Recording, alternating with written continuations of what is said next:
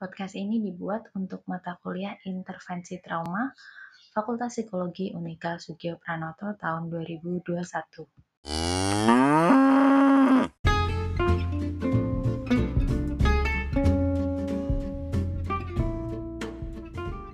Oke, halo selamat siang semuanya. Selamat datang di mata kuliah Intervensi Trauma Mohon maaf hari ini saya tidak bisa bertemu langsung dengan kalian, tapi saya akan memberikan kuliah melalui podcast ini. Nah, saya nggak tahu nih, ini tuh udah uh, kalian udah pernah mendengar kuliah dengan podcast bersama saya atau enggak, tapi uh, saya tetap akan kasih tahu aturannya seperti apa. Uh, kalau kalian lihat di cyber itu saya udah kasih nih uh, ini rekaman yang mana, PPT-nya yang mana, jadi silahkan disimak Lalu sambil mendengarkan um, rekaman ini, silahkan buka PPT-nya. Untuk yang ini, silahkan buka PPT yang pertama, yang review anatomi otak. Nah, um, kalau sudah buka PPT-nya, silahkan buka dari slide pertama, lalu dengarkan uh, rekaman saya sambil membaca PPT yang sudah Anda dapatkan. Kalau yang belum silahkan di stop dulu rekamannya, terus download dulu, dibuka, baru balik lagi ke rekaman ini. Kita sekarang ada di slide 1, uh, uh, masih di judul ya. Dan nanti aturannya adalah tadi sebelum saya ngomong teman-teman sempat dengar ya ada suara sapi. Nah, nanti kalau misalnya tiap ada suara sapi berarti kita akan berganti ke slide yang berikutnya. Jadi nggak harus ngitung atau saya kasih aba-aba tapi tiap ada suara sapi mu gitu ya kita berganti ke slide selanjutnya misalnya seperti sekarang mari kita berganti ke slide berikutnya yaitu slide kedua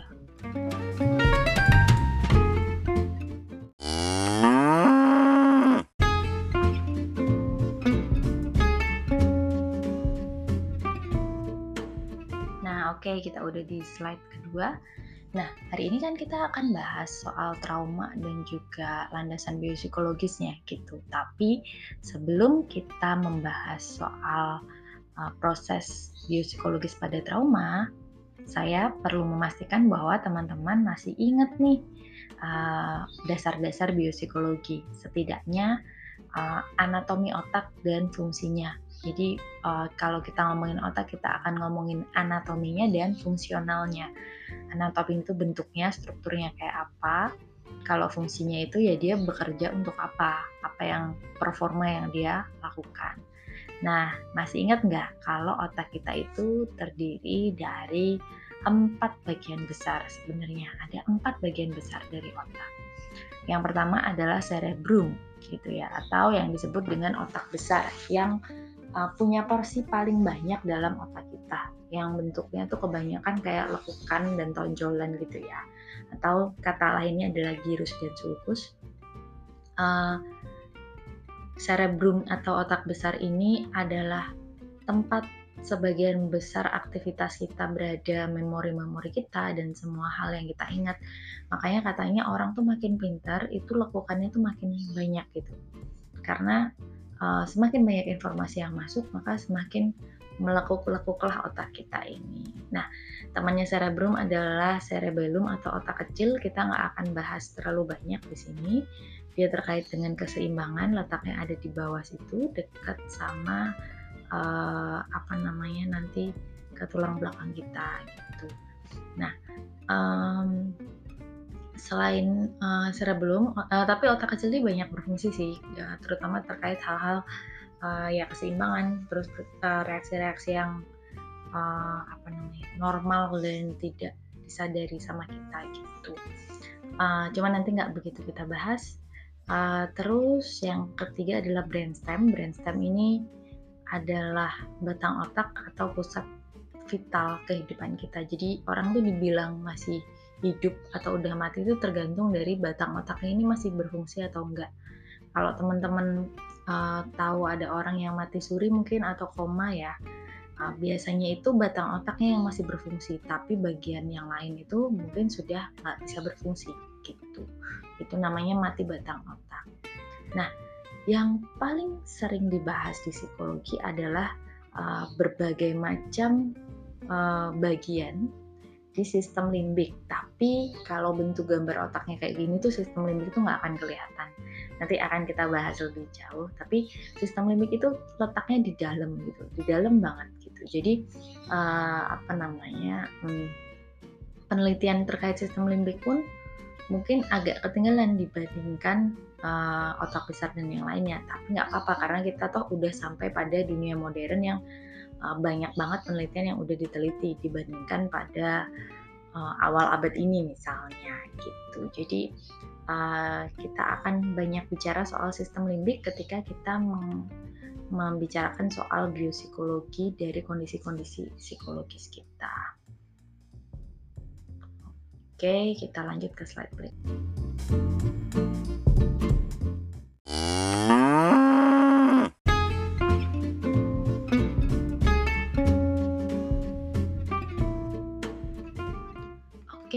kita masih lihat gambar otak nih. Siapa di sini yang suka makan otak sapi atau otak ayam? Mungkin sudah akrab ya dengan bentuk yang kayak gini. Ini gambar diambil dari otak asli, otak asli manusia gitu. Di sinilah semua proses kognitif kita ber, berproses. Sebenarnya kalau kita akan menonton gambar otak itu ada banyak istilah, uh, terutama soal potongan dan sudut pandang gitu uh, yang sebelah kiri ini dorsal view jadi uh, otak kita dilihat dari atas kita bisa lihat ada otak kiri dan otak kanan kita dan uh, sebagian besar lobus frontal eh sorry uh, ya lobus frontal sama lobus parietal kelihatan atau di bagian otak besar kita kelihatan um, Terus kita juga bisa lihat yang sebelah kanan itu ventral view atau kalau dilihat dari bawah kayak apa sih otak kita itu gitu. Uh, ada banyak uh, bagian atau sambungan-sambungan juga yang terlihat di situ. Lalu anterior sama posterior, anterior itu maksudnya bagian depan, posterior itu bagian belakang. Nanti um, kalau ada istilah-istilah gitu biasanya ada anteriornya, posteriornya gitu uh, itu kalau anterior berarti dia yang bagian depan, posterior bagian belakang dan biasanya nanti ada nama uh, lobusnya atau tempatnya. Um, kalau teman-teman lihat di sebelah kiri itu ada presenta, uh, frontal lobe yang depan ya, terus ada presenta, presentral gyrus. Jadi gyrus atau lekukan gitu kan uh, yang ada di uh, bagian sebelum tengah-tengah tapi mengarah ke depan.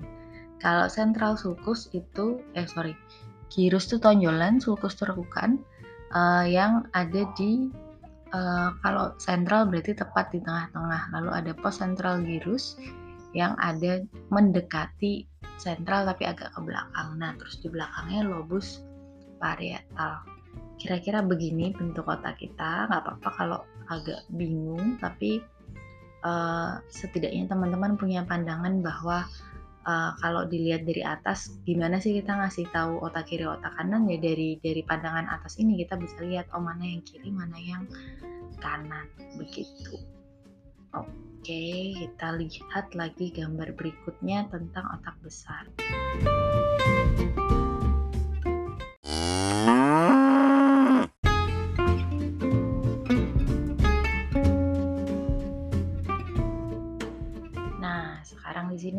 kita lebih banyak ngomongin soal otak besar kita. Uh, tadi kan udah tahu ya di awal kalau otak kita tuh kebagi ke empat bagian. Salah satunya otak besar yang paling banyak uh, memakan space di kepala kita gitu ya. Nah uh, di di otak besar ini dibagi lagi jadi empat bagian.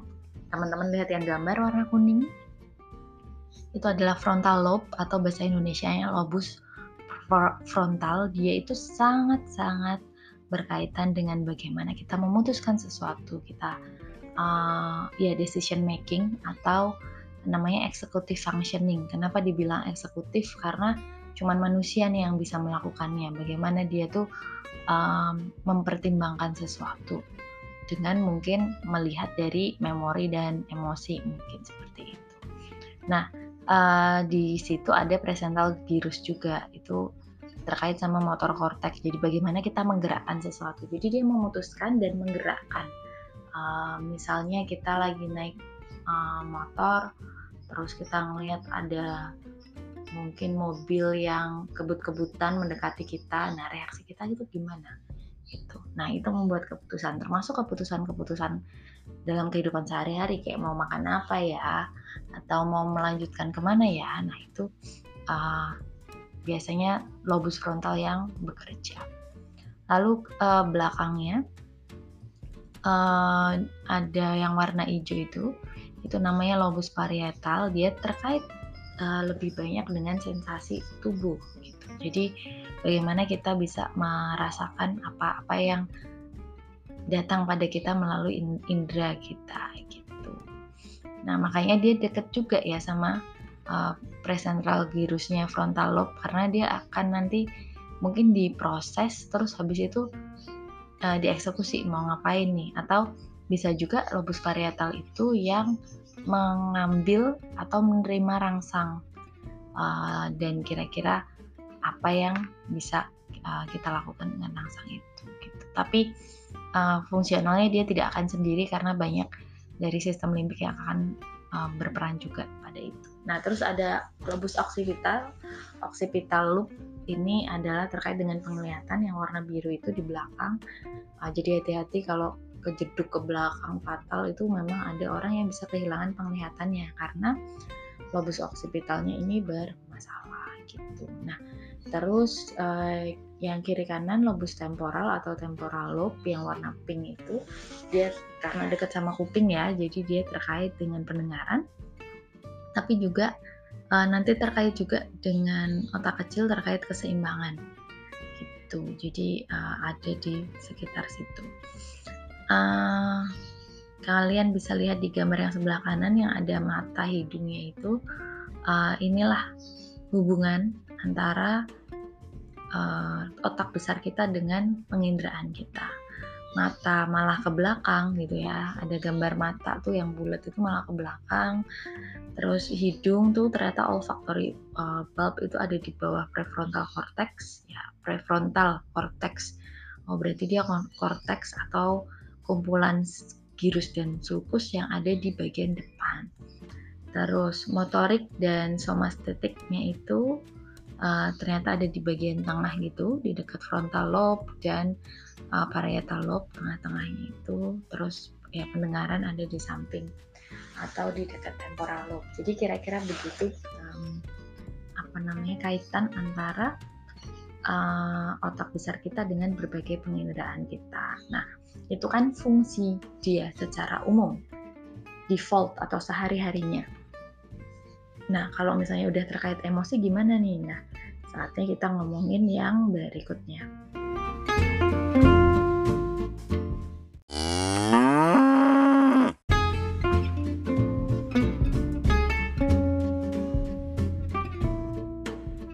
Oke, kita akan lihat pada um, bagian yang paling apa namanya terkait dengan psikologi gitu ya. Jadi itu namanya sistem limbik. Uh, ini uh, apa namanya kalau dipotong secara sagital atau sagital section itu uh, maksudnya tuh dibagi dua otak kita gitu ya terus dibuka separohnya gitu dari dalam. Jadi penglihatan dari dalam kira-kira seperti ini sistem limbik kita. Uh, cerebral cortex atau kortek-kortek lain lekukan dan uh, tonjolan itu ada di luar melapisi lalu bagian belakang masih ada cerebellum yang warna abu-abu itu uh, terus masih ada batang otak juga di situ di dekat-dekat situ. Nah tapi nyempil di tengah di dalam itu ada satu bagian dengan penuh uh, bagian lain di dalamnya. Ada simulate virus, terus pituitary gland, gitu, pituitary gland, talamus dan yang lainnya. Inilah yang disebut dengan sistem limbik atau bagian yang ada di dalam dan punya beberapa subbagian gitu ya atau organ-organ yang lebih kecil yang ternyata fungsinya luar biasa gitu. Coba uh, kalian lihat ada talamus itu nggak hampir nggak kelihatan bentukannya saking kecilnya di dalam nanti saya jelaskan fungsinya terus ada hipotalamus jadi talamus dan hipotalamus berbeda ya terus ada kelenjar pituitari terus ada gyrus simulata atau simulat gyrus. Silakan dilihat uh, di mana saja mereka berada. Oke, okay? uh, ada juga kayak nukleus accumbens itu juga ada tapi nggak nggak begitu banyak kita bahas nanti di sini. Dan jangan lupa uh, otak kita tuh juga terhubung langsung dengan uh, tulang belakang kita ya. Jadi kan langsung nih nanti ke medula oblongata terus uh, ke tulang belakang yang nanti ada saraf-saraf yang menghubungkan uh, ke seluruh tubuh kita. Begitu. Oke, kita lihat lagi sistem limbik dari sudut pandang yang lainnya.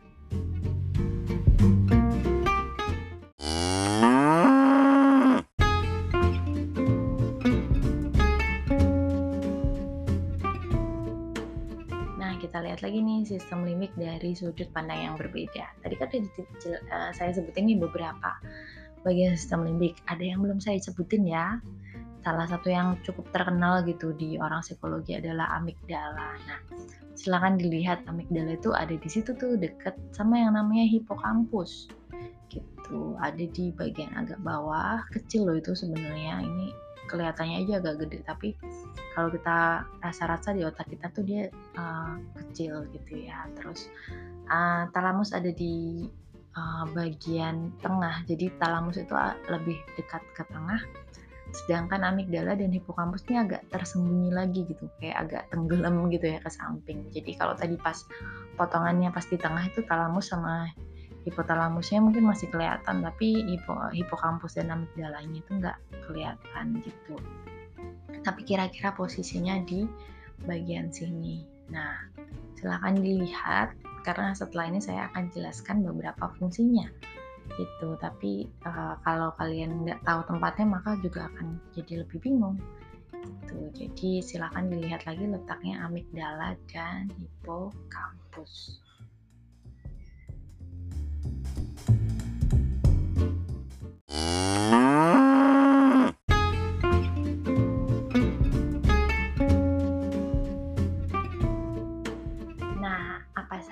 sih fungsi-fungsi dari beberapa bagian di sistem limbik tadi? Tentu yang paling terkenal tuh amigdala ya, di mana mana orang ngomongin amigdala gitu. Nah, dia itu berperan pada emosi manusia, tapi ingat amigdala itu sebenarnya paling banyak berperan itu pada rasa takut. Respon kita terhadap rasa takut itu. Makanya banyak banget diomongin kalau kita ngomongin psikopat. Karena psikopat itu nggak punya rasa takut, ya nggak? Karena kalau kita kan mungkin kalau saya gitu yang lihat darah-darah aja udah takut gitu ya tapi psikopat mah dia tidak takut atau tidak ada rasa bersalah uh, pada hal yang menakutkan nah itu makanya mungkin ada sesuatu di amigdalanya dan amigdala ini memang berperan pada emosi kita terutama rasa takut yang kedua adalah talamus. Tadi ada yang uh, saya sebut agak di tengah tadi ya. Talamus ini juga bagian penting nih.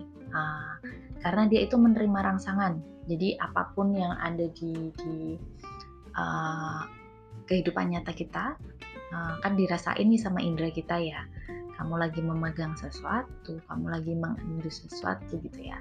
Dan ada kamu merasa suhunya panas atau dingin. Nah, uh, suhu itu juga diterima sama talamus. Lalu dia meneruskannya ke otak besar, terutama ke lobus parietal tadi. Nah, si lobus parietal ini mikir kan, ah ini tuh perasaan-perasaan apa gitu ya.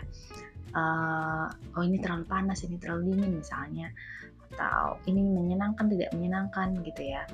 Uh, suhu-suhu yang dirasakan itu diproses, kemudian dibalikkan lagi ke talamus. Jadi diterima talamus, dikasih ke otak besar, dibalikin lagi ke talamus untuk menghasilkan reaksi tertentu misalnya kepanasan terus kita kipas-kipas gitu ya. Nah, itu uh, terkait dengan talamus. Nah, temennya yaitu hipotalamus itu uh, terkait juga dengan emosi dan motivasi. Jadi kalau ada permasalahan pada hipotalamus, uh, biasanya juga ditemui ada permasalahan pada motivasi. Hipotalamus ini terkoneksi dengan berbagai bagian otak. Jadi dia uh, apa namanya terkait dengan intern yang ada di bagian-bagian otak yang lain. Kalau talamus kan tadi sampai ke indera-indera ya, tapi kalau hipotalamus itu uh, dia koordinasinya dengan berbagai bagian otak yang lain dan ini terkait dengan emosi dan motivasi.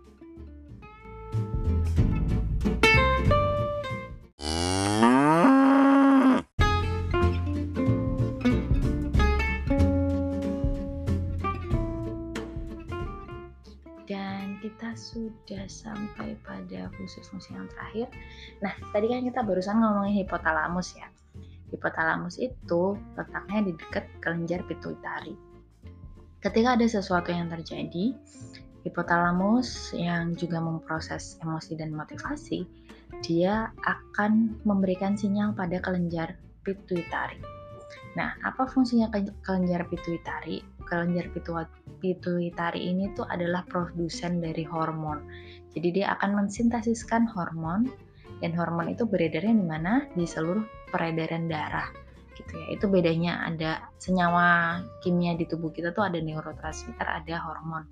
Nah, kalau hormon ini tuh uh, dia akan uh, beredar di seluruh tubuh kita, makanya sifatnya itu lebih menetap misalnya kayak cewek-cewek kalau uh, mau mens itu kan juga pengaruh hormon nih. Uh, emosinya mungkin agak tidak tenang begitu. Nah itu karena hormon yang diproduksi oleh kelenjar pituitari. Nah kelenjar pituitari ini tuh yang nyuruh adalah si hipotalamus tadi. Setelah hipotalamus memproses berbagai hal yang ada di otak kita terus dia ngasih tahu nih ke kelenjar pituitari oke okay, uh, sintesiskan hormon ini. Dan kelenjar pituitari lah yang memproduksi hormon itu. Nah, selain itu uh, ada yang namanya hipokampus tadi yang dekat amigdala.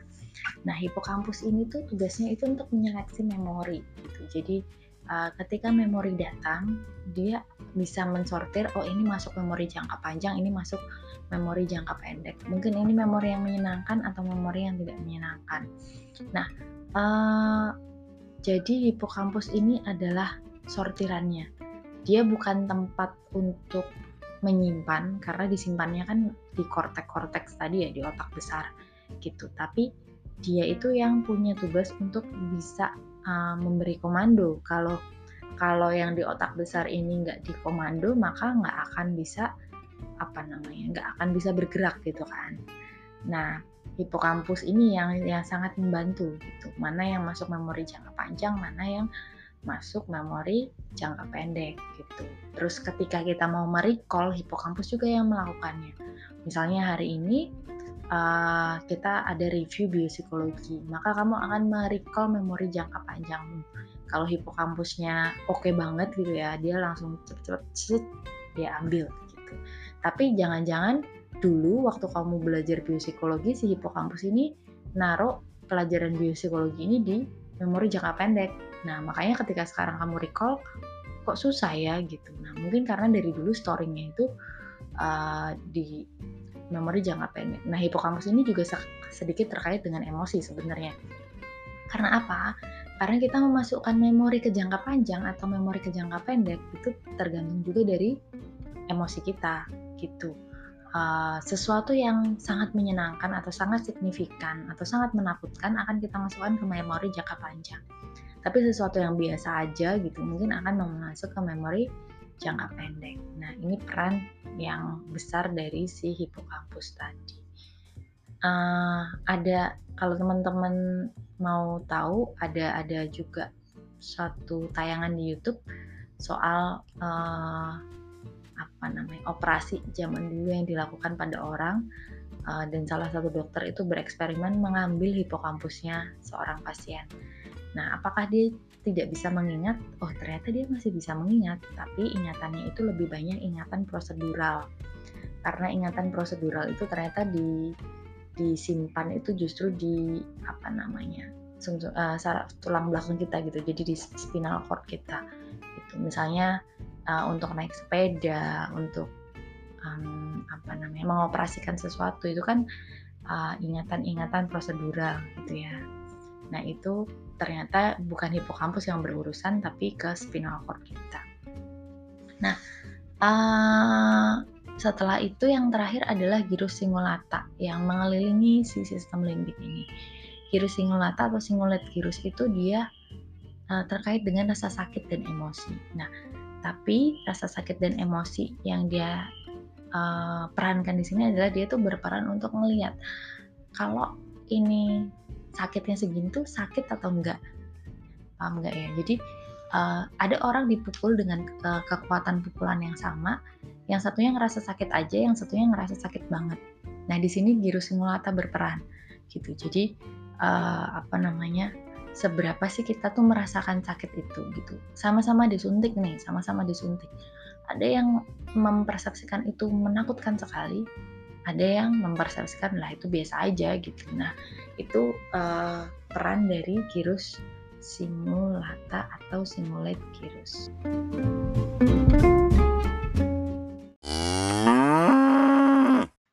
Oke, ternyata kita udah selesai nih di bagian yang pertama. Silakan teman-teman setelah ini menutup bagian yang pertama, lalu buka bagian yang kedua, PPT yang kedua uh, tentang trauma dan uh, tubuh kita. Gitu. Nanti uh, silahkan diteruskan di PPT yang berikutnya dan di rekaman yang berikutnya dan setelah itu kita akan ada tugas. Terima kasih dan sampai ketemu sebentar lagi.